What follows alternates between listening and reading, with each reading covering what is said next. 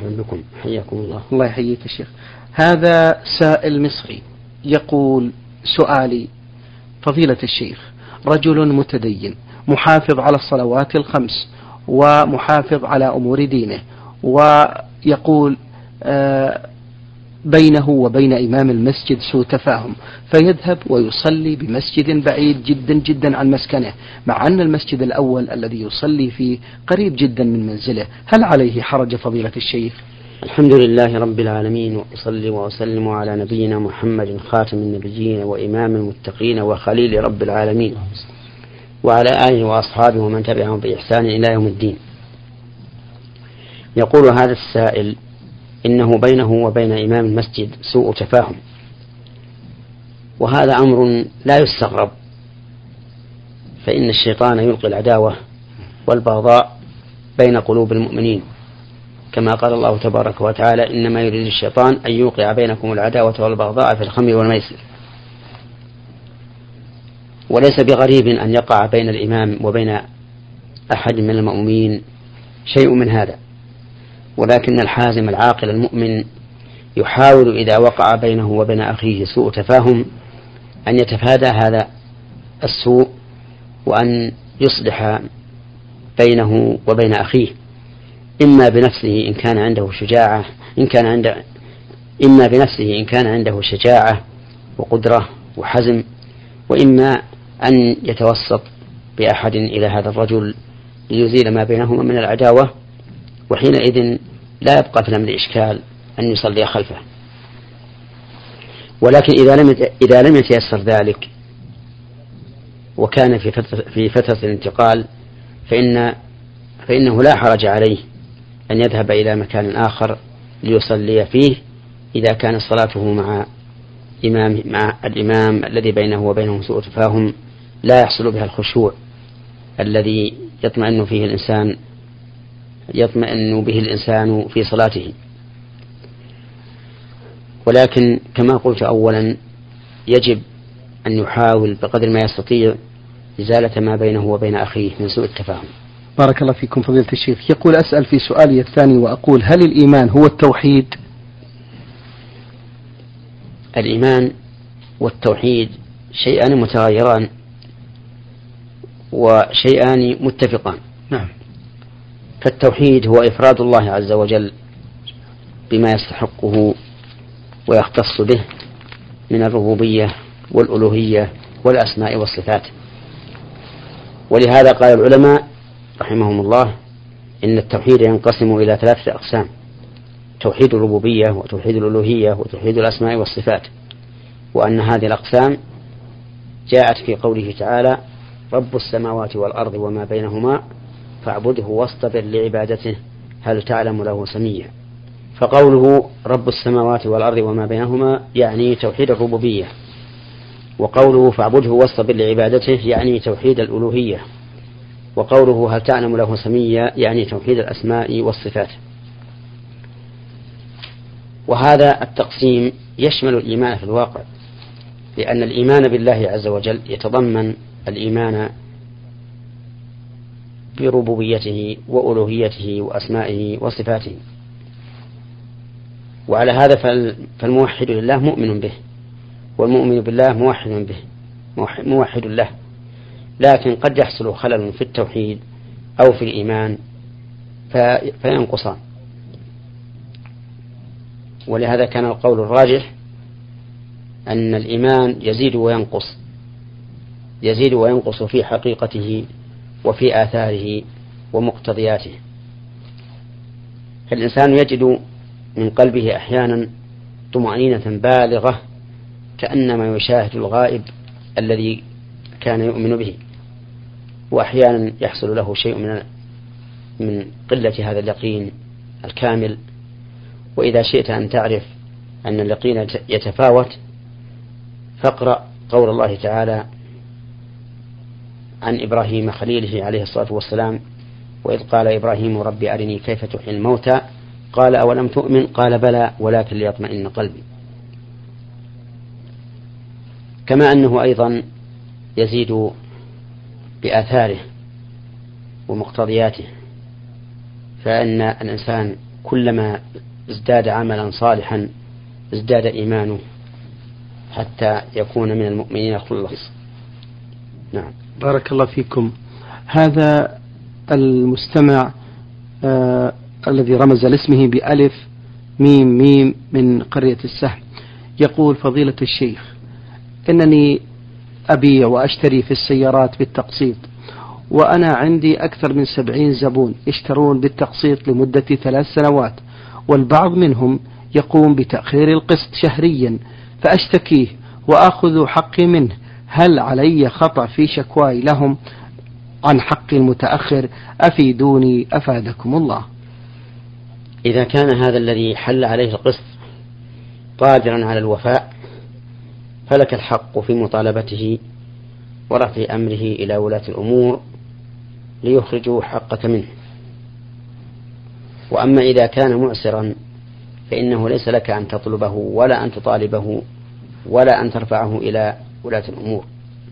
لقول الله تعالى وإن كان ذو عسرة فنظرة إلى ميسرة وأن تصدقوا خير لكم إن كنتم تعلمون. وإنني بهذه المناسبة أحذر إخواننا الذين يكون لهم ديون على المعسرين فيؤذون هؤلاء المعسرين بالطلب والمطالبة ويرفعونهم إلى الجهات المسؤولة. وهذا الدائن لا شك أنه آثم.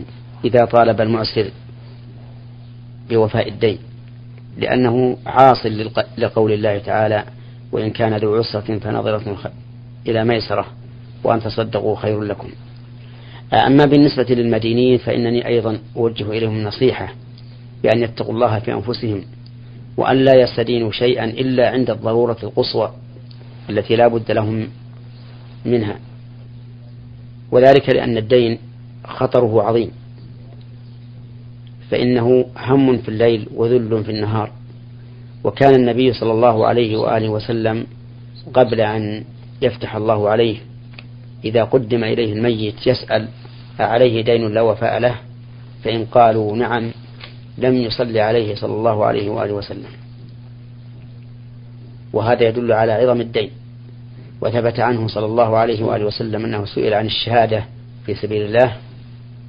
يعني هل تكفر الخطايا فقال نعم. ثم أدبر الرجل فناداه فقال عليه الصلاة والسلام إلا الدين أخبرني بذلك جبريل آنفا. فإذا كانت الشهادة في سبيل الله لا تكفر الدين وتكفر ما سواه من من المعاصي كان ذلك دليلا على عظمه وأنه أمر يعيق الإنسان عن الوصول إلى درجات الكمال. ثم إني أنصحهم مرة أخرى. إذا دعت الضرورة إلى الاستدانة واستدانوا. أنصحهم ألا يماطلوا في حق الدائن ويؤخروه فإن ذلك ظلم. لقول النبي صلى الله عليه وسلم مطل الغني ظلم. والمطل يكون إذا حل الحق والغني هو القادر على الوفاء. فإذا حل حق الدائن وكان المدين قادرا على الوفاء فإنه يجب عليه المبادرة بوفائه. وإذا تأخر ساعة فهو آثم وساعتين فهو أشد إثما وثلاث ساعات فهو أشد إثما وهكذا كلما زادت الساعات في تأخيره للوفاء ازداد بذلك إثما. ثم إنه ربما يعاقب فيسلب هذا المال الذي كان به قادرا على الوفاء ويندم حين لا ينفع الندم. نعم. بارك الله فيكم فضيلة الشيخ. السائل ميم ميم آه، يقول أيضا فضيلة الشيخ عندي قطعة أرض فقمت ببناء مسجد لابني المتوفى هل يجوز ذلك عنه؟ وإذا قمت بتعليق لوحة على باب المسجد وكتبت عليها مسجد فلان رحمه الله. فهل يجوز ذلك عنه أفيدوني جزاكم الله خيرا؟ بناء المساجد من أفضل القرب التي تقرب إلى الله عز وجل. وقد صح عن النبي صلى الله عليه وآله وسلم أن من بنى لله مسجدا بنى الله له بيتا في الجنة. ولكن هل من المستحب والمشروع أن نبني المساجد للأموات أو أن نبنيها لأنفسنا وندعو للأموات. الجواب الثاني أن نبني المساجد لأنفسنا لأننا محتاجون إلى العمل الصالح. أما الأموات فإن النبي صلى الله عليه وآله وسلم أرشدنا ماذا نفعل لهم. قال النبي صلى الله عليه وآله وسلم إذا مات الإنسان انقطع عمله إلا من ثلاثة إلا من صدقة جارية أو علم ينتفع به أو ولد صالح يدعو له. فترى رسول الله صلى الله عليه وآله وسلم أرشد إلى الدعاء لا إلى أن يعمل له عمل صالح مع أن سياق الحديث في العمل ولو كان العمل للأموات من الأمور المشروعة لأرشد إليه النبي صلى الله عليه وآله وسلم. ولكننا لا حينما نقول إنه ليس من من الأمور المشروعة لا نقول إنه حرام لأن السنة دلت على جوازه. فقد ثبت في الحديث الصحيح أن رجلا جاء إلى النبي صلى الله عليه وآله وسلم وقال يا رسول الله إن أمك تلفت نفسها وأظن أنها لو تكلمت لتصدقت أفأتصدق عنها؟ أو قال أفيجزي أن أتصدق عنها؟ قال النبي صلى الله عليه وآله وسلم نعم. وأذن لسعد بن عبادة أن يجعل مخرافه في المدينة وهو نخل يخرف آه، صدقة لأمه آه، مسألة آه، أيضا يترتب على سؤال الأخ السائل نعم. أنه جعل المسجد لابنه المتوفى فهل يمكن أن نقول إنه لا يجوز أن يخص ابنه المتوفى بهذا المسجد دون إخوته الباقين إن كان له إخوة لأن النبي صلى الله عليه وآله وسلم قال اتقوا الله واعدلوا بين أولادكم أو نقول إنما العدل واجب في الأمور في أمور الدنيا. أما أمور الآخرة فلا يجب فيها العدل. الأول أقرب عندي وأنه لا يخص أحدا من أولاده بأعمال صالحة دون الآخرين لأنه داخل في قوله صلى الله عليه وسلم اتقوا الله واعدلوا بين أولادكم وقوله لبشير بن سعد حين أراد أن يشهده أن يشهد النبي صلى الله عليه وسلم على عطيته لابنه النعمان قال أشهد على هذا غيري فإني لا أشهد على جور. والخلاصة أننا نقول لهذا الرجل آه الذي ينبغي أن تجعل المسجد لك وثوابه لك وأما ابنك فالدعاء له أفضل من أن تجعل له هذا المسجد. وفي سؤاله قال إنه كتب عليه إن هذا مسجد فلان ابن فلان. وهذا حسن من وجه سيء من وجه آخر. أما كونه حسنا فإن الناس إذا شاهدوا هذا إذا رأوا هذا الاسم دعوا لمن بناه. وقالوا غفر الله له وأثابه وجزاه خيرا وما أشبه ذلك. ولكنه سيء من وجه آخر لأنه يخشى منه الرياء وأن الإنسان فعل ذلك ليرائي, ليرائي به الناس. والرياء إذا شارك العمل فإنه يبطله. لما ثبت في صحيح مسلم عن أبي هريرة رضي الله عنه أن النبي صلى الله عليه وسلم قال قال الله تعالى أنا أغنى الشركاء عن الشرك. من عمل عملا أشرك فيه معي غيري تركته وشركه. نعم. بارك الله فيكم فضيلة الشيخ. هذا السائل ألف ميم عين صاد آه عامل مقيم في المملكة يقول سماحة الشيخ أنا عامل وكفيلي لا يصلي الصلاة المفروضة وأنا والحمد لله ملتزم بصلاتي وصيامي وهذا من فضل الله علي. هل يصح لي الأكل معه؟ وما رأيكم في الراتب الذي أتقاضاه منه؟ أفتوني مأجورين. قبل أن نفتيه أن نفتي هذا السائل نوجه نصيحة إلى كفيله نعم. حيث ادعى هذا السائل أنه لا يصلي. فإن كان الأمر كذلك فإننا نقول لهذا الكفيل اتق الله في نفسك احمد الله على نعمته أن جعلك قادرا ونعمك. احمد الله سبحانه وتعالى على هذه النعمة وقم بواجب الشكر لله رب العالمين. فإن معصية المنعم سيئة وقبيحة عقلا وفطرة وشرعا. نقول لهذا الذي لا يصلي اتق الله وصل فإن الصلاة شأنها عظيم وثوابها جزيل وتركها خطر عظيم. فإن أصح أقوال أهل العلم أن من ترك الصلاة فهو كافر كفرا مخرجا عن الملة. لأن الله تعالى قال في كتابه عن المشركين فإن تابوا وأقاموا الصلاة وآتوا الزكاة فإخوانكم في الدين. وهذا يدل على أنهم إذا لم لم يقيموا الصلاة فليسوا إخوة لنا في دين الله. ولا تنتفي الأخوة في الدين إلا إذا انتفى الإيمان وصار الإنسان كافرا. لأن المؤمن وإن كان ضعيف الإيمان ما دام لم يصل إلى حد الكفر هو أخ لنا ونحبه على ما معه من الإيمان وإن كنا نكره ما يقوم به من المعاصي. ولأن النبي صلى الله عليه وآله وسلم قال في تارك الصلاة بين الرجل وبين الشرك والكفر ترك الصلاة. أخرجه مسلم من حديث جابر رضي الله عنه. ولأن النبي صلى الله عليه وآله وسلم قال العهد الذي بيننا وبينهم الصلاة فمن تركها فقد كفر. وقد نقل إجماع الصحابة على كفر تارك الصلاة عبد الله بن شقيق التابعي المعروف حيث قال كان أصحاب رسول الله صلى الله عليه وآله وسلم لا يرون شيئا من الأعمال تركه كفر غير الصلاة. وقد نقل إجماعهم أيضا بعض أهل العلم أعني إجماع الصحابة على كفر تارك الصلاة ومنهم أي ممن نقل, ممن نقل الإجماع إسحاق بن راهوية الإمام المشهور. والنظر يقتضي ذلك أي يقتضي أن من ترك الصلاة فهو كافر.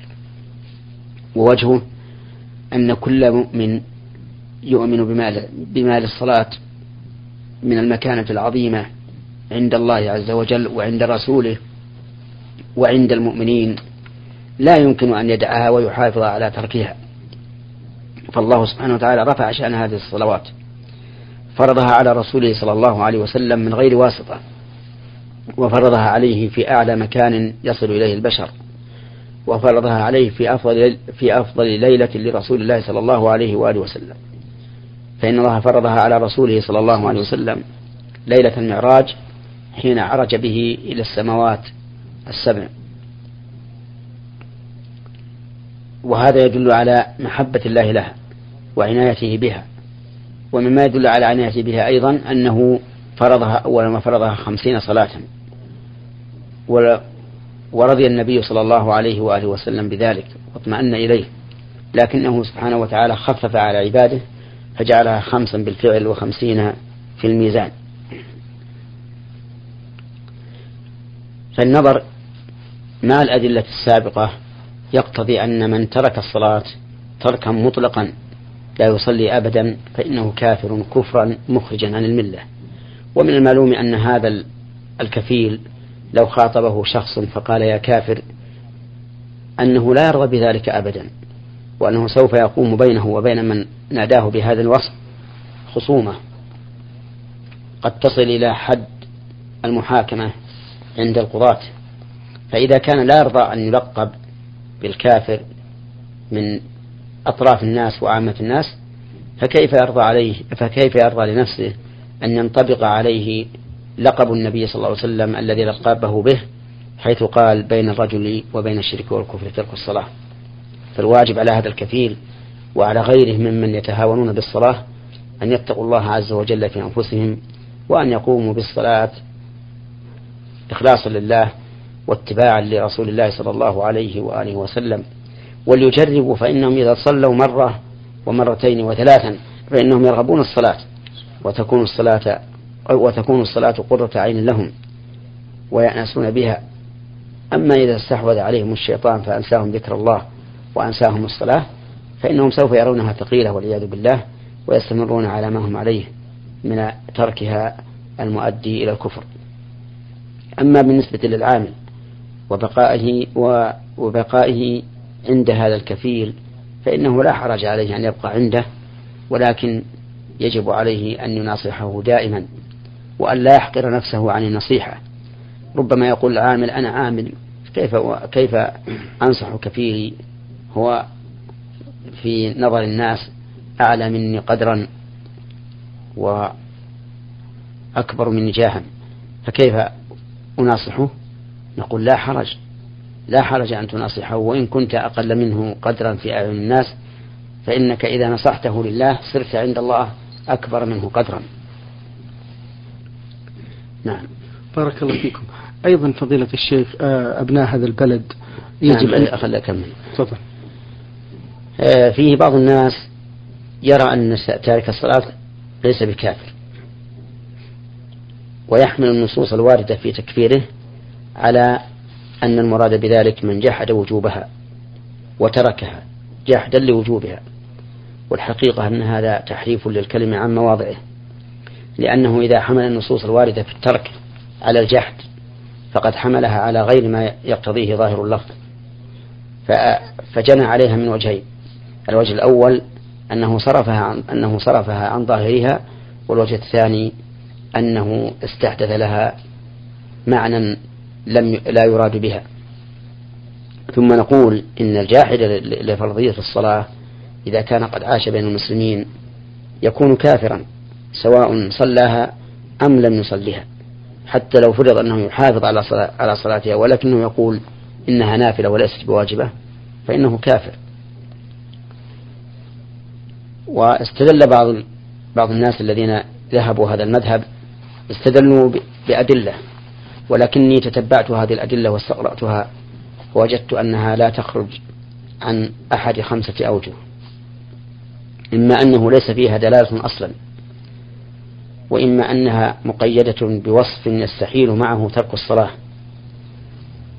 وإما أنها أحاديث ضعيفة لا تقوم بها الحجة وإما أن صاحبها أي, أي, أي وإما أنها في قوم يعذرون بالجهل يكون الإسلام قد درس عندهم ولم يعرفوا عنه شيئا. وإما أنها عامة تخصص بأدلة كفر تارك الصلاة كما هو معروف عند أهل العلم أنه إذا ورد النص العام والخاص فإن العام يخصص بالخاص.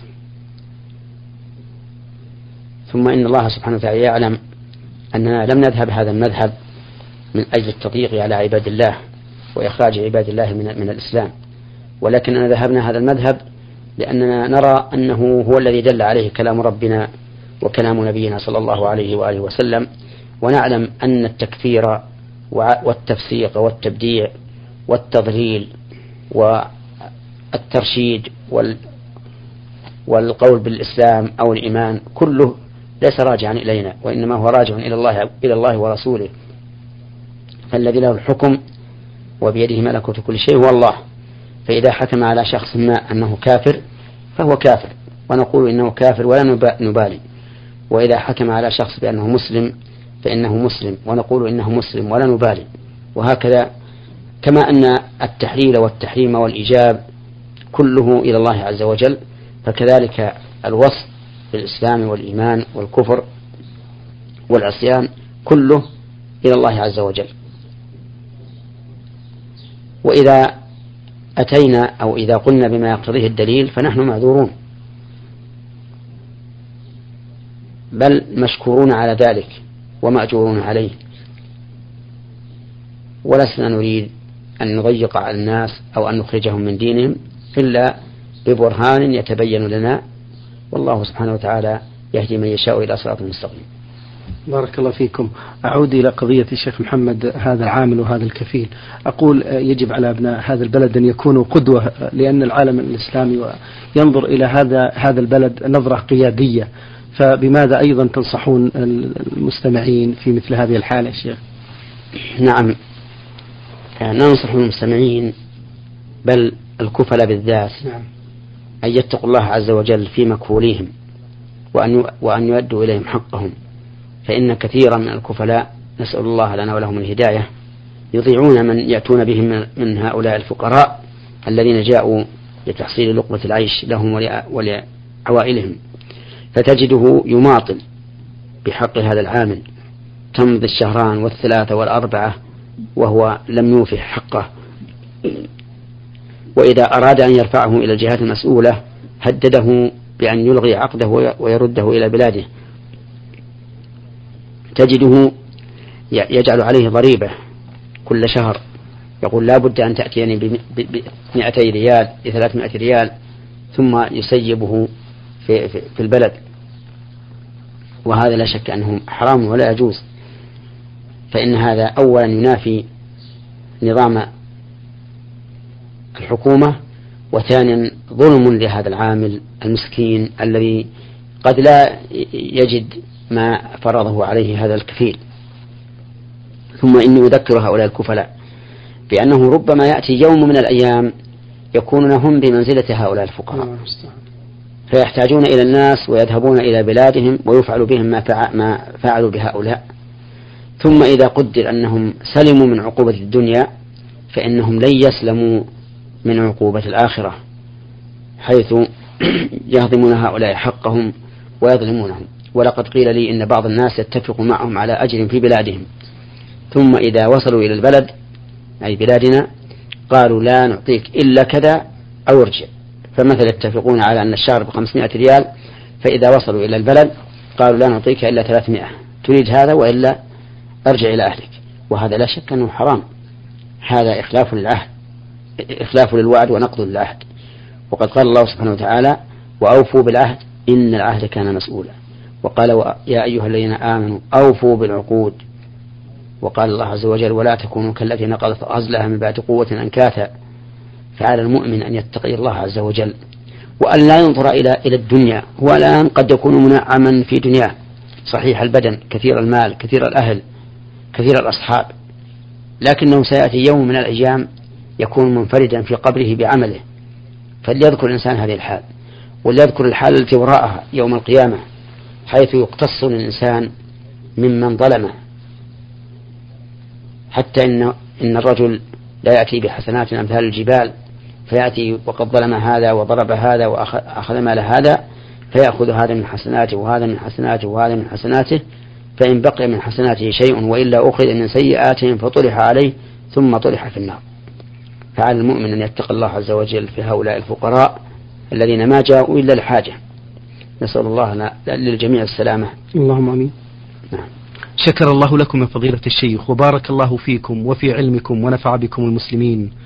أيها الإخوة الأحباب أيها الإخوة المستمعون الكرام أجاب على أسئلتكم فضيلة الشيخ محمد بن صالح بن عثيمين الأستاذ في كلية الشريعة وأصول الدين في القصيم وخطيب وإمام الجامع الكبير في مدينة عنيزة. شكر الله لفضيلته وشكرا لكم أنتم. وفي الختام تقبلوا تحيات زميلي مهندس الصوت سعد عبد العزيز خميس. والسلام عليكم ورحمة الله وبركاته. نور على الدرب. برنامج يومي يجيب فيه أصحاب الفضيلة العلماء على أسئلة المستمعين. البرنامج من تقديم وتنفيذ عبد الكريم صالح المقرن